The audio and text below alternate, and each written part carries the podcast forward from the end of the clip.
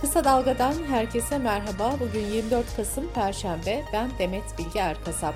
Gündemin öne çıkan gelişmelerinden derleyerek hazırladığımız Kısa Dalga bültene başlıyoruz. Düzce dün sabah saat 04.08'de meydana gelen depremle sarsıldı. AFAD, depremin merkez üssünü Düzce Gölkaya, büyüklüğünü ise 5.9 olarak açıkladı. Kandilli ise depremin büyüklüğünü 6 olarak duyurdu. Bültenimiz yayına hazırlandığı sırada yaralı sayısı 68 olarak açıklanmıştı. Kalp krizi nedeniyle de iki kişi hayatını kaybetti. İçişleri Bakanı Süleyman Soylu 8 bin konutta hasar tespit çalışması yapılacağını açıkladı. Birçok ilde de hissedilen depremin ardından yüzden fazla artçı sarsıntı meydana geldi. Uzmanlar depremin ardından yaptıkları açıklamada fay hattında büyük bir enerjinin boşaldığı yorumunu yaptı. Deprem olası İstanbul depremini de gündeme getirdi. Kandilli Rasathanesi'nden doçent doktor Doğan Kalafat, 8 kilometrelik uzunluğundaki fay parçası kırılmıştır, enerjisi boşalmıştır dedi. Kalafat, bu deprem İstanbul'u etkilemez değerlendirmesini yaptı. Profesör Doktor Şerif Barış'ın yorumu da şöyle oldu.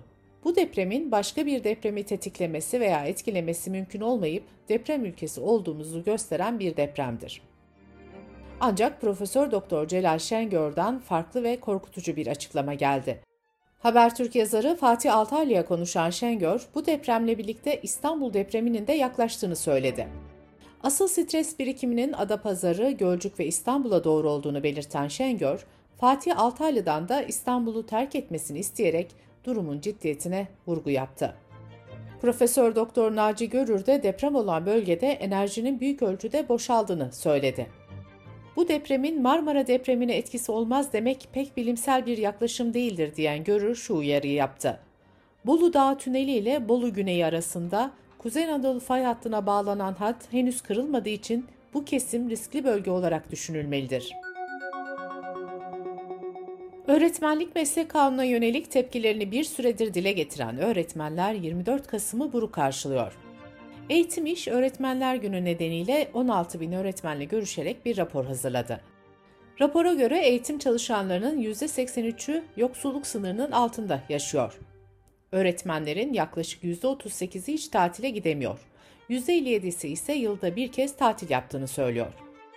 Araştırmaya katılanların neredeyse tamamı yani %99.77'si eğitim öğretime hazırlık ödeneğinin yetersiz olduğunu belirtiyor. %85.58'i ise kirasını ödemekte zorlandığını anlatıyor. %99'dan fazlası da öğretmenlik mesleğinin saygınlığının azaldığını düşünüyor. Cumhurbaşkanı Recep Tayyip Erdoğan, Suriye'ye kara harekatı mesajlarını dün de yineledi. Erdoğan, bizim için en uygun vakitte teröristlerin tepesine bineceğiz dedi. MHP lideri Devlet Bahçeli, Cumhurbaşkanı Erdoğan'ın Mısır Cumhurbaşkanı Sisi ile görüşmesinin doğru olduğunu belirtirken, Suriye Devlet Başkanı Esad'la da görüşmesi gerektiğini söylemişti. Erdoğan'a Esad'la görüşüp görüşmeyeceği soruldu. Erdoğan şu yanıtı verdi. Olabilir, siyasette küslük dargınlık olmaz. Eninde sonunda adımlarımızı atarız. Erdoğan, Sisi ile ikinci bir görüşme olup olmayacağı yönündeki bir soruya da olabilir yanıtını verdi. Cumhurbaşkanı Erdoğan'la İyi Parti lideri Meral Akşener arasında kumar masası polemiği devam ediyor. Erdoğan, İyi Parti'den altılı masayı terk etmesini istemiş, Akşener ise Cumhur İttifakı için kumar masası nitelendirmesini yapmıştı. Erdoğan da böyle cevap mı olur diye tepki göstermişti. Akşener dün grup toplantısında Erdoğan'a bir kez daha kumar masası hatırlatmasıyla yanıt verdi ve şöyle dedi. Biz o kumar masasını dağıtmaya, saray görünümlü kumarhanenizi de başınıza yıkmaya geliyoruz. Türkiye 2023 seçimlerine doğru giderken CHP yönetimi il ve ilçe başkanlıklarına gönderdiği genelgeyle milletvekili adayı olmak isteyen örgüt yöneticilerine istifa için 26 Aralık'a kadar süre verdi. Genelge aday olmak isteyen il, ilçe ve belde yöneticilerini kapsıyor. Genelgede belediye başkanlarının kapsam dışı tutulması belediye başkanlıkları adaylık yolu kapandı mı tartışmasında beraberinde getirdi. BBC Türkçe'den Ayşe Sayın'ın haberine göre CHP yönetimi bu kararı alırken erken istifa takvimi ilan edilmesinin belediye çalışmalarında zaafa yol açabileceğini dikkate aldı. Bu nedenle YSK'nın seçim takviminin esas alınması görüşü benimsendi. Buna göre aday adayı olmak isteyen belediye başkanları ve meclis üyeleri YSK'nın kamu görevleri için ilan ettiği takvime göre istifa edebilecek. Son günlerde peş peşe yapılan kuraklık uyarılarına Sivas'ta eklendi. Kent merkezinde şebeke su ihtiyacını karşılayan 4 Eylül barajında su azaldı. Belediye Başkanı Hilmi Bilgin, kentin 15-20 günlük suyu olduğunu söyledi. Kısa Dalga Bülten'de sırada ekonomi haberleri var. Benzinin litre fiyatına önceki gece 1 lira 16 kuruş indirim gelmişti. Bu indirimin mürekkebi kurumadan sabah saatlerinde benzine 55 kuruş zam geleceği haberi geldi. İndirimin ardından 20 liraya yaklaşan benzinin litre fiyatı da 20 lira 62 kuruşa çıkacak. Litresi 24 lira 84 kuruşa satılan motorinde ise 95 kuruş indirim yapılacağı belirtildi. Temel gıda ve temizlik ürünlerinde fahiş fiyat uyguladığı ve stokçuluk yaptığı belirlenen zincir marketlerle işletmelere uygulanan para cezaları çözüm getirmeyince farklı tedbirler gündeme geldi. Ticaret Bakanlığı tarafından zincir marketler ve işletmelere bu yılın ilk 10 ayında 9 milyon liradan fazla para cezası uygulandığı belirtildi. Ancak Cumhurbaşkanı Erdoğan cezaların yeterli olmadığını belirterek başka önlemlerin masada olduğunu belirtmişti. MHP lideri Devlet Bahçeli ise zam yapan marketlerin FETÖ ilişkilerinin araştırılmasını istemişti. Konuyla ilgili bir açıklamada Tüketici Hakları Derneği Genel Başkanı Turhan Çakar'dan geldi. Bu konuda çözümün para, hapis ya da kapatma cezası olmadığını belirten Çakar, yasal düzenleme ile maliyet fiyatı üzerine en fazla %10 kar sınırı getirilmeli, dedi. Japonya Bankası Nomura, Türkiye'nin de aralarında bulunduğu 7 gelişmekte olan ekonomide kur krizi yaşanabileceği uyarısında bulundu. Türkiye ile Sri Lanka'nın puanı 138 olarak açıklanırken en yüksek puan ise 165 ile Mısır'ın oldu. Mısır'ın para birimi bu yıl iki kere sert değer kaybetmiş, hükümet de IMF'ye başvurmuştu. Dış politika ve dünyadan gelişmelerle bültenimize devam ediyoruz. İran'da ahlak polisi olarak bilinen İrşat devrilerinin 22 yaşındaki Mahsa Amini'yi öldürmesinin ardından başlayan protestolarda kolluk şiddetinin dozu her geçen gün artıyor.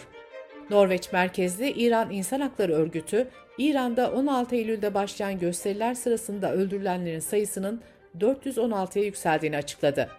Örgüte göre sadece son bir haftada 72 eylemci öldürüldü. İngiltere, Fransa ve Almanya İran'ın nükleer programını genişletme kararını kınadı. Ortak açıklamada şöyle denildi. İran'ın adımı küresel nükleer silahların yayılmasını önleme sistemine bir meydan okumadır.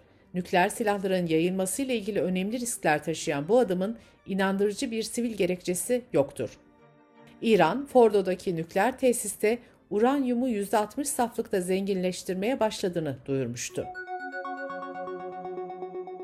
Amerika dün yine silahlı bir saldırıyla sarsıldı.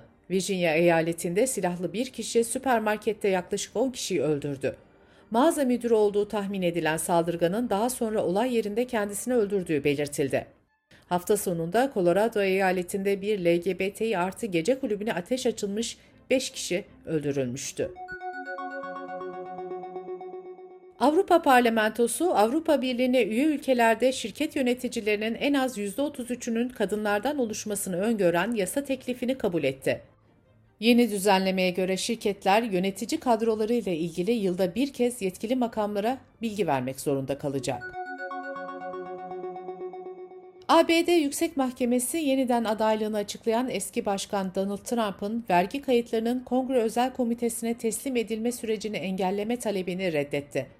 Mahkemenin bu kararı Hazine Bakanlığı'nın Trump ve bazı şirketlerine ait vergi kayıtlarını Temsilciler Meclisi Özel Komitesi'ne hızlı şekilde devredebileceği anlamına geliyor. Kanada'da İkinci Dünya Savaşı sonrası doğan kuşağın iş hayatından çekilmeye başlamasıyla oluşan boşluğu doldurmak için 1,5 milyon yeni göçmen alınması planlanıyor. Kanada vatandaşlarının dörtte biri başka bir ülkeden göç edenlerden oluşuyor. Bu G7 ülkeler arasındaki en yüksek oran. Kanada'da sınırsız oturumu olanların neredeyse yarısı yeteneklerinden dolayı ülkeye kabul edilmiş durumda. Hükümet 2025'e kadar bunun %60'a erişmesini planlıyor. ABD Uzay ve Havacılık Dairesi'ne bağlı Güneş Dinamikleri Gözleme ve 28 Ekim'de Güneş'in yüzeyinde gülümsemeye benzeyen bir görüntü paylaşmıştı. NASA şimdi de Güneş'in somurtan halini yakaladı. Gözlemevinin açıklamasında geçen ayki gülen surattan sonra Güneş'in ruh hali huysuzlaşmış gibi görünüyor denildi. Bültenimizi kısa dalgadan bir öneriyle bitiriyoruz. Bir kuşun doğa için değeri kurbağadan fazla mı? Kuş bilimci Ferdi Akarsu ve gazeteci Mehveş Evin Yeşil Dalga'da bu hafta kuşlardan yola çıkarak biyoçeşitliliğin önemini masaya yatırıyor.